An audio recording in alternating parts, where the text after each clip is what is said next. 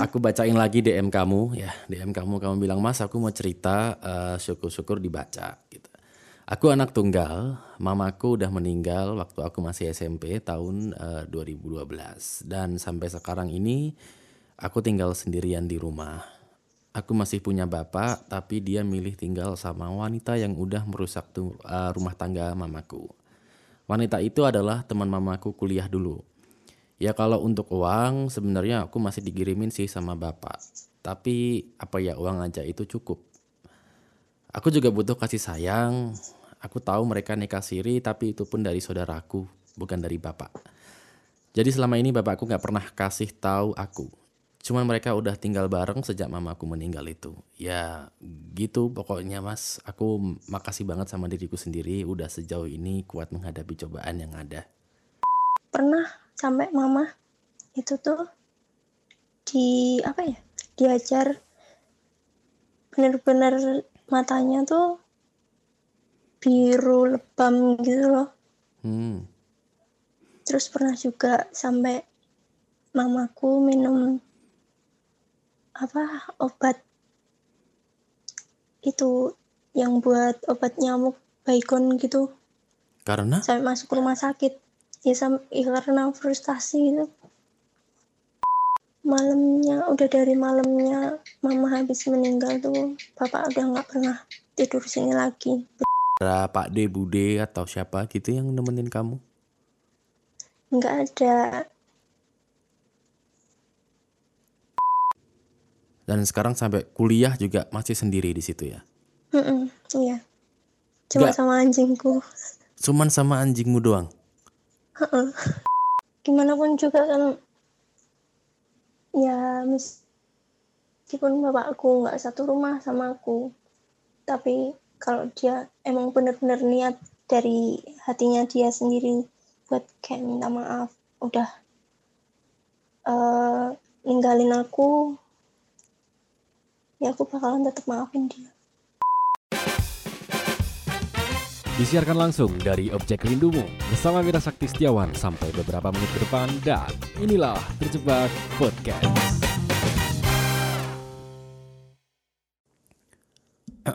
Oke, selamat datang kembali di Terjebak Podcast ya. Bersama aku Wira dan sampai beberapa menit ke depan kita akan bercerita, mendengarkan cerita dari sobat uh, netizen yang ada di Twitter ya. Karena kebanyakan orang-orang yang bercerita dari kemarin adalah orang-orang yang uh, aktif bermain di Twitter dan banyak juga yang bilang bahwa orang Twitter itu orangnya sedikit lebih nyeleneh daripada anak-anak Instagram ya. Dan uh, sekarang itu mau jam 2 pagi ya. Sekarang itu jam 2 kurang uh, eh, 9 menit ya. Cuman uh, seperti biasa ketika bulan puasa memang kebanyakan orang-orang itu tidurnya pagi ya. Biasanya memang jam-jam 4 jam 5 itu baru tidur ya. Kamu gitu gak sih kalau misalnya lagi puasa gitu jam tidurnya kebalik? dan uh, malam ini ya aku dan ada nanti satu penelepon yang mau membagi ceritanya ya.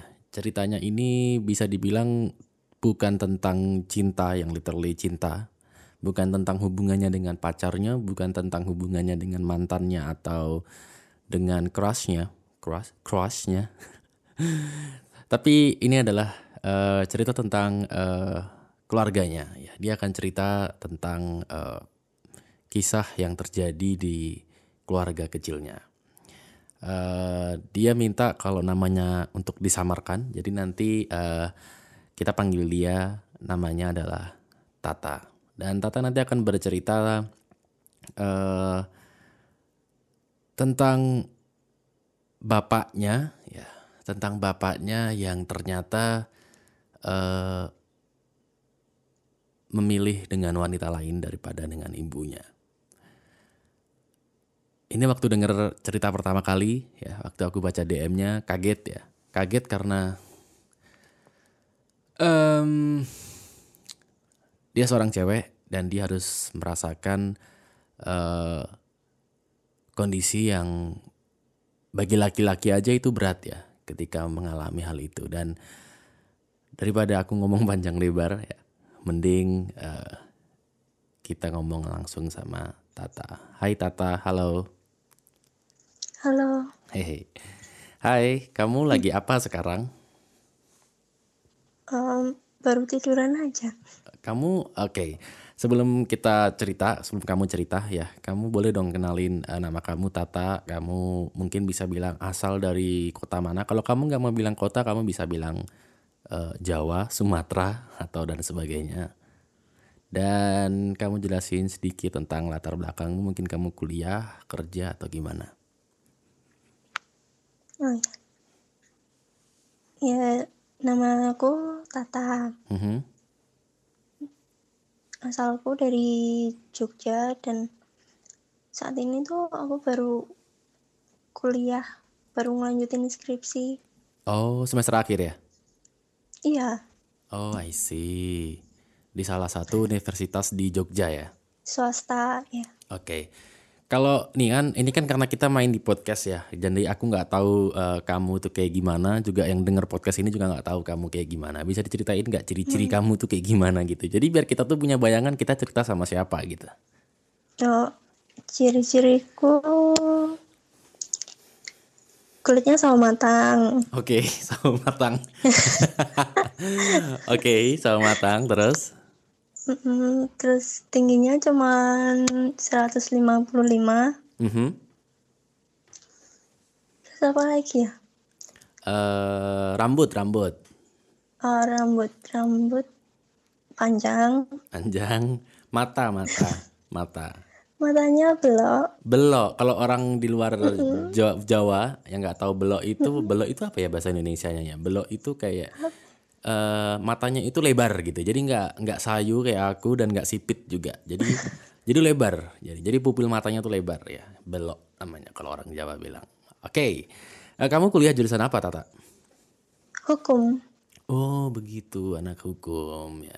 Sekarang kamu ada pacar? Ada. Oh ada. Oke, nggak usah dilanjutin ya. Cuman nanya doang, cuman nanya. Oke, eh, Tata, eh, waktu itu kamu ternyata sudah DM dari tanggal 30 April ya, udah udah sekitar 2-3 mingguan yang lalu dan Iya. eh, aku bacain lagi DM kamu ya. DM kamu kamu bilang, "Mas, aku mau cerita eh, syukur-syukur dibaca." gitu. Aku anak tunggal, mamaku udah meninggal waktu aku masih SMP tahun eh, 2012 dan sampai sekarang ini aku tinggal sendirian di rumah. Aku masih punya bapak, tapi dia milih tinggal sama wanita yang udah merusak tu- uh, rumah tangga mamaku. Wanita itu adalah teman mamaku kuliah dulu. Ya kalau untuk uang sebenarnya aku masih digirimin sih sama bapak. Tapi apa ya uang aja itu cukup. Aku juga butuh kasih sayang. Aku tahu mereka nikah siri tapi itu pun dari saudaraku, bukan dari bapak. Jadi selama ini bapakku nggak pernah kasih tahu aku. Cuman mereka udah tinggal bareng sejak mamaku meninggal itu. Ya gitu pokoknya mas. Aku makasih banget sama diriku sendiri udah sejauh ini kuat menghadapi cobaan yang ada. Ternyata berusaha kuat di depan semua orang itu susah ya. Ini begitu aku baca ya. Begitu begitu aku baca aku ngerasain eh, gimana rasanya menjadi kamu seorang perempuan yang kebetulan anak tunggal ditinggal ibunya dan eh, sorry aku minta maaf kalau misal eh, cukup membuka luka lama ya membuka kesedihanmu kembali ya Iya, nggak apa-apa. Oke, kamu bisa ceritain em, bisa ceritain awalnya itu gimana, Tata? Jadi dari aku kecil itu tuh kayak orang tua aku udah sering ribut gitu loh. Mhm. Nah, terus sering ributnya tuh tapi kayak bapakku pasti pakai tangan gitu, kayak Oh. kekerasan. Oke. Hmm, ya kan aku lihat kan itu. Mhm. Terus kayak mama mungkin juga tahu kalau bapak ternyata selingkuh kayak gitu. Pernah sampai mama itu tuh di apa ya? Diajar bener-bener matanya tuh biru lebam gitu loh. Hmm. Terus pernah juga sampai mamaku minum apa obat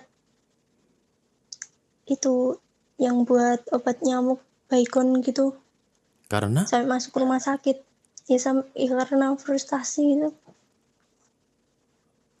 Oke. A- aku minta maaf ya udah em, buat kamu cerita lagi kayak gini. ya nggak apa-apa. Terus terus. ya terus. Kan waktu aku SMP Mhm, itu tuh mama sakit. Sempet sakit kan? Mhm, terus habis itu sakitnya tuh kayak nggak wajar banget gitu loh. Mhm. Bener-bener nggak wajar kayak dibikin di- kalau kata orang sih kayak dibikin. Cuman terus kan dibawa ke asalnya mama. Mhm, di ya daerah di salah satu daerah di Jawa Tengah lah. Mhm. terus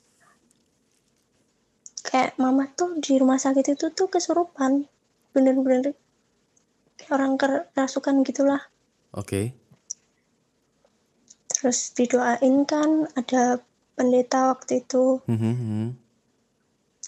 nah akhirnya mama sadar tapi setelah dari rumah sakit itu mama nggak langsung balik ke Jogja masih di sana nyembuhin itu sakitnya kan Mhm. karena waktu itu tuh sakit lupus Oke. Nah, terus pas balik ke sini itu udah gemuk, udah sehat gitulah. Mhm. Nah, itu terus setahun kemudian setahun kemudian itu sakit lagi. Itu kena infeksi paru-paru. Mhm.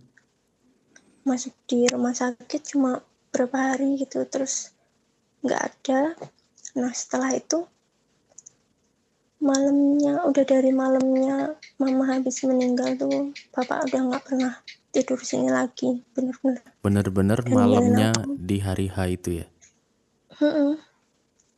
Dan bentar, jadi kamu sekarang di rumah itu sendiri?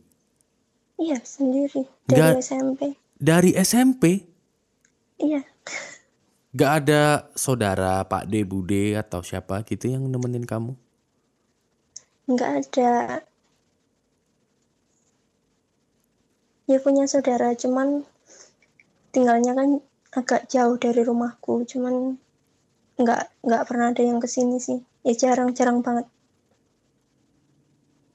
Wow, kamu dari SMP udah ngapa-ngapain sendiri, udah bertanggung jawab dengan hidupmu sendiri. Terus kamu dari SMP ke SMA daftar sekolah juga sendiri? ditemenin saudara sih. Dan sekarang sampai kuliah juga masih sendiri di situ ya? Mm-mm, iya cuma sama anjingku Cuman sama anjingmu doang? Dan kebetulan kamu juga anak tunggal ya? Iya. Tapi bapakku di sana tuh ngadopsi anak gitu loh. Oh. Tapi eh, kamu sama bapakmu itu masih eh, keep contact atau masih sering ketemu atau gimana? Cuma WA aja. Sampai Jarang sekarang tapi masih keep contact WA ya. Iya. Tapi memang Tapi itu pun seminggu bisa dihitung berapa kali aku chat. oke. Dan itu nggak pernah ketemu. Even Natal atau Paskah Enggak, sama sekali. jarang. Sebulan mungkin belum tentu sih. Oke, tapi tapi kamu sendiri masih mendapatkan ibaratnya hak lah sebagai anak. Ibaratnya dikasih uang bulanan atau gimana gitu. Iya, Masih masih jalan tapi ya. masih. Cuman kamu merasa bahwa yang seperti yang kamu bilang di DM kalau yang kamu butuhin tuh bukan cuman materi, tapi juga afeksi. Iyalah. Dan dari SMP sampai sekarang gimana kamu menjalani menjalani hidup tanpa sosok seorang bapak dan seorang ibu Ya, tentunya. Apalagi kadang kalau seumpama main ke rumah temen nih, Mhm. kan pasti eh lihatlah eh, keluarga temen tuh yang pada kumpul-kumpul lah atau apa Mhm. itu rasanya sakit banget Ya. jadi kayak pengen gitu loh punya keluarga yang kayak gitu cuman kan kayak aku mikirnya juga mama juga udah nggak ada cuma tinggal bapak lah Dan itu pun kamu tidak mendapatkan bapak yang sebagaimana bapak mestinya. Mm-mm. Dan ketika kamu ada masalah atau ketika kamu ada problem dengan hidupmu atau dengan kuliah atau dengan sekolahmu pada waktu itu, kamu lari atau bercerita dengan siapa? Sama temen paling Jadi benar-benar teman dekatmu itu yang kamu ceritain ya. Mm-mm. iya Kalau Wika sama siapa lagi atau sama pacarmu mungkin kan?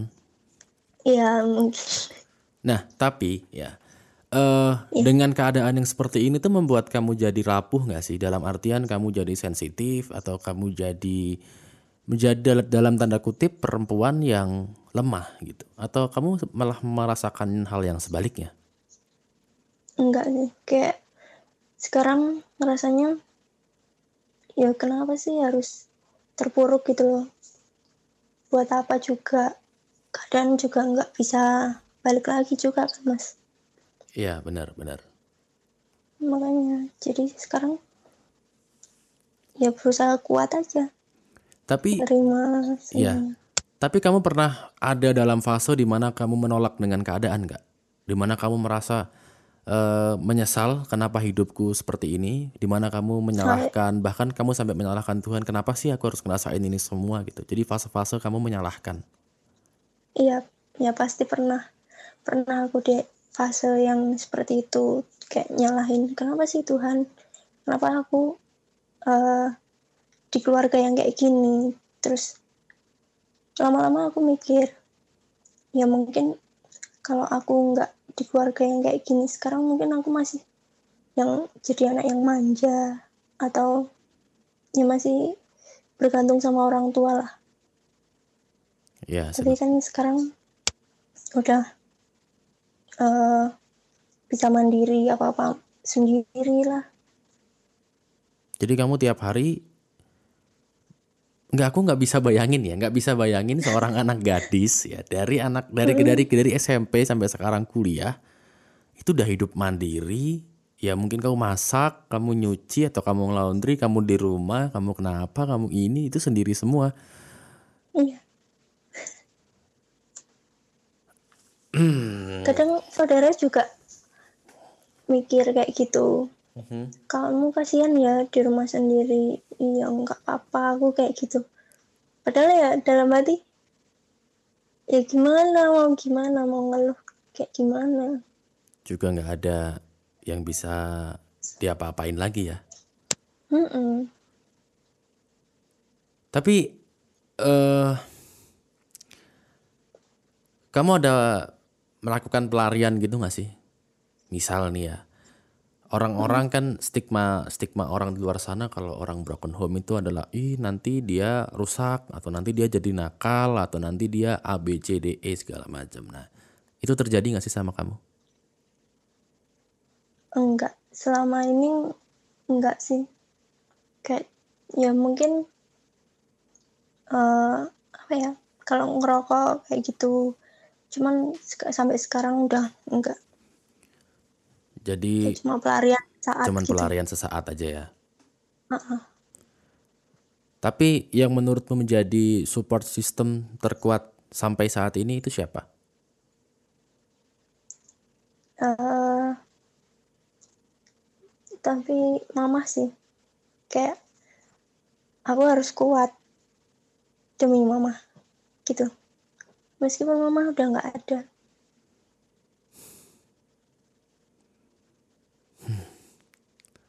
Aku terenyuh sih mendengarnya.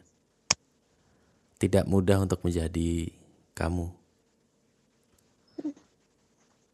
Tapi dalam diri kamu juga udah nggak ada hasrat untuk mengembalikan dalam tanda kutip keluarga kamu yang mungkin sekarang tinggal bapak kamu ya ayo atau mungkin dirembuk bareng-bareng diomongin bareng-bareng gimana caranya biar at least kita bisa satu rumah atau gimana atau gimana Atau kamu pernah ngomong sama bapakmu yang bener quality talk gitu gimana? Atau kamu cuman menerima aja? Nah, aku pernah sih, Mas. Kayak dulu waktu masih sekolah, aku pernah sampai ngirim surat buat bapakku sendiri. Surat fisik itu- gitu? Ah, iya, surat aku nulis, bener-bener nulis. Mhm. Terus kan kadang bapakku kalau semua mengirim uang waktu aku masih sekolah belum pegang ATM kan, bapak nyuruh orang untuk ngirim uang ke sini. Oke. Nah, itu aku sampaikan ke orang itu, ini buat bapak, Oh. kasihin aja, gitu. Mm, mm, mm, mm, mm. Ya, pokoknya isinya aku bilang, kenapa sih bapak masih mempertahankan cewek yang itu gitu? Mm, mm. Kenapa nggak milih tinggal di sini sama aku? Aku bilang itu kan, Mm, mm. gimana pun juga aku juga anaknya bapak gitu kan. Kok malah bapak eh, milih lebih milih tinggal sama orang lain gitu loh. Iya. Bener, bener. Dan Hmm. kamu sudah sampai eh, sekarang pun kamu sudah tidak memaksa dengan bapakmu dengan keadaan yang begitu. Iya, udah enggak sama sekali. Udah Kayak- bodo amat ya. percuma iya berulang kali aku eh, ngomong sama bapak cuman nggak ngerti alasan bapak masih bertahan di sana tuh Apa ya? kenapa iya Kamu kenal nggak sama eh, istrinya bapakmu itu? iya kenal Pernah ngomong atau pernah ketemu berarti?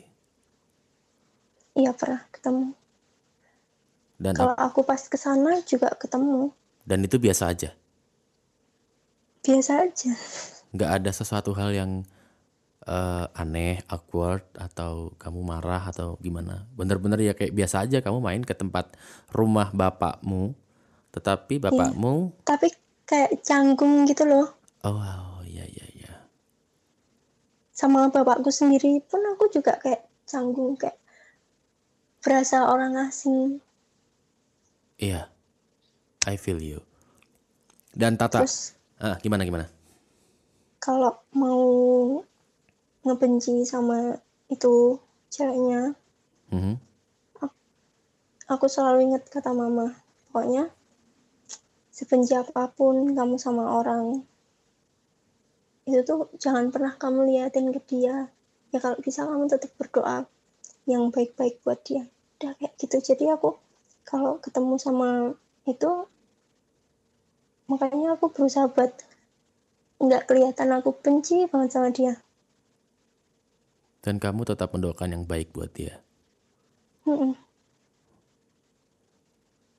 Hatimu itu terbuat dari apa sih? aku nggak tahu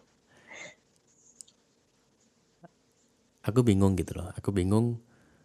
eh dan kamu cerita pun saat ini, aku nggak mendengar tangisan. Jadi aku rasa kamu sudah menjadi wanita yang benar-benar kuat, meskipun sebenarnya ada hati yang runtuh, tapi kamu berusaha menutupi agar orang lain tidak tahu. iya bener banget Dan aku yakin kamu eh, di lingkungan pertemananmu, kamu adalah orang yang biasa-biasa aja dan orang-orang juga nggak bakal tahu ini terjadi di kamu. Iya, kalau kemungkinan aku nggak cerita, Dia nggak bakal nggak- tahu. nggak akan tahu sebenarnya keluarga aku kayak gimana. Paling kalau semua orang baru kenal nih, Mm-mm. mereka main ke rumah, terus nanya, loh orang tuamu mana? Nah gitu kan, Iya. aku beda rumah. Aneh banget nggak sih kalau aku bilang kayak gitu? Aku kadang ngerasa, iya ya, aku tuh keluarga tapi kenapa beda rumah aku gitu? Dan jawaban mereka? Oh, cuma gitu ya. Ya mungkin juga mereka bingung kan mau jawab apa. Iya, bener juga sih.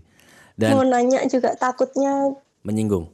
ke akunya iya Dan tak eh, dalam kondisi seperti ini dan kebetulan kamu juga punya pacar gitu. eh kamu pernah takut nggak sih sakit hati atau kamu mungkin pernah merasakan sakit hati dengan pacarmu atau mantanmu dan apakah kamu tidak semakin terpuruk dengan keadaan itu? Karena mungkin dia pacarmu atau dulunya mantanmu ya adalah seseorang yang dalam tanda kutip dijadikan sandaranmu untuk bercerita, berkeluh berkeluh kesah, membagi beban dan segala macam. Dan ketika dia menyakitimu apakah itu menjadi membuatmu semakin ru- eh, ru- runtuh gitu? Atau apa yang kamu rasain sebenarnya dari seorang perempuan yang merasakan eh, cerita hidup yang kayak gini gitu. Eh, gini jadi aku selama pacaran dari kemarin-kemarin tuh kayak selalu yang pihak yang disakitin yang diselingkuhin Kamu Nah. diselingkuhin. Heeh. Terus? terus tapi tuh herannya aku kalau seumpama aku mutusin atau aku yang diputusin pun aku nggak pernah yang sedih nangis nangis kayak gitu soalnya aku mikirnya masalah keluarga aku tuh lebih berat daripada aku nangisin kayak gitu Itu yang kamu rasakan? Heeh. jadi aku kalau disakitin itu udahlah biasa aja aku gitu Bodoh amat berarti. Heeh. Tapi dari sisi mantanmu atau pacarmu yang sekarang, ada nggak sih eh, dia atau mereka itu berpikir eh, kasihan sama kamu dengan kondisi yang seperti ini? Mungkin dia berpikir untuk nggak nyakitin kamu atau gimana gitu? Ya, kalau untuk mantan-mantanku, Mantan mantanmu ya? iya, Oke oke gimana? itu tuh ada yang nyakitinnya banget sampai pernah yang terakhir tuh dia ngejelek-jelekin aku di keluarga aku sendiri. Wow. Terus? Dan ya otomatis keluargaku nanya dong ke aku, kok dia kayak gini jelek-jelekin kamu gitu kan. Mm-mm. Ya udahlah biarin aja aku bilang gitu. Mm-mm. aku juga udah nggak mau kan sama dia soalnya udah berulang kali juga dia tuh nyelingkuhin aku tapi ya bodohnya masih mau aku. Tapi sekarang udah enggak kan? udah udah. Dan untuk terakhir kalinya kamu bilang putus itu, kamu juga nggak nangis, nggak menyesali, nggak meminta dia untuk tetap tinggal, atau gimana? enggak enggak. Soalnya kan beda iman. Oh gitu, beda iman. Terus terus, kalau terus akhirnya aku malah dapet yang seiman sekarang ya syukurlah dari dulu aku kalau pacaran soalnya beda sama iman yang ya. beda iman tuh Hmm. Kadang memang menyenangkan dua kali, tapi kamu tahu nggak sih kalau menurut aku itu pacaran beda iman tuh seperti menonton film untuk kedua kalinya. Kamu menjalani kisah yang sudah tahu bagaimana akhirnya. iya Dan itu terjadi kan dua kali lagi sama kamu, bener nggak? Dua apa tiga kali? Mm-mm. tiga kali Dan sekarang udah dapat teman yang seiman, jadi kalau eh, ke gereja hari Minggu ada temannya. enggak Lah kok enggak? soalnya eh, aku biasa ke gereja hari Sabtu Oh hari Sabtu, oke. dia hari- di hari Minggu jadi nggak pernah Bareng ya? ini Heeh, tapi kadang aku yang barengin dia sih Oke, tak misal nih eh, kamu sekarang masih eh, skripsi ya hukum ya. Terus kamu coba eh, sekarang kamu mikir ya, suatu saat nanti kamu menjadi orang besar, orang yang sukses, orang yang eh, orang yang tidak pernah keluargamu bahkan orang-orang lain mengira kamu bisa sebesar itu. Ya, imagine kamu akan menjadi sukses dan luar biasa beberapa tahun lagi. Apakah kamu akan membenci bapakmu? Enggak sih. Kenapa?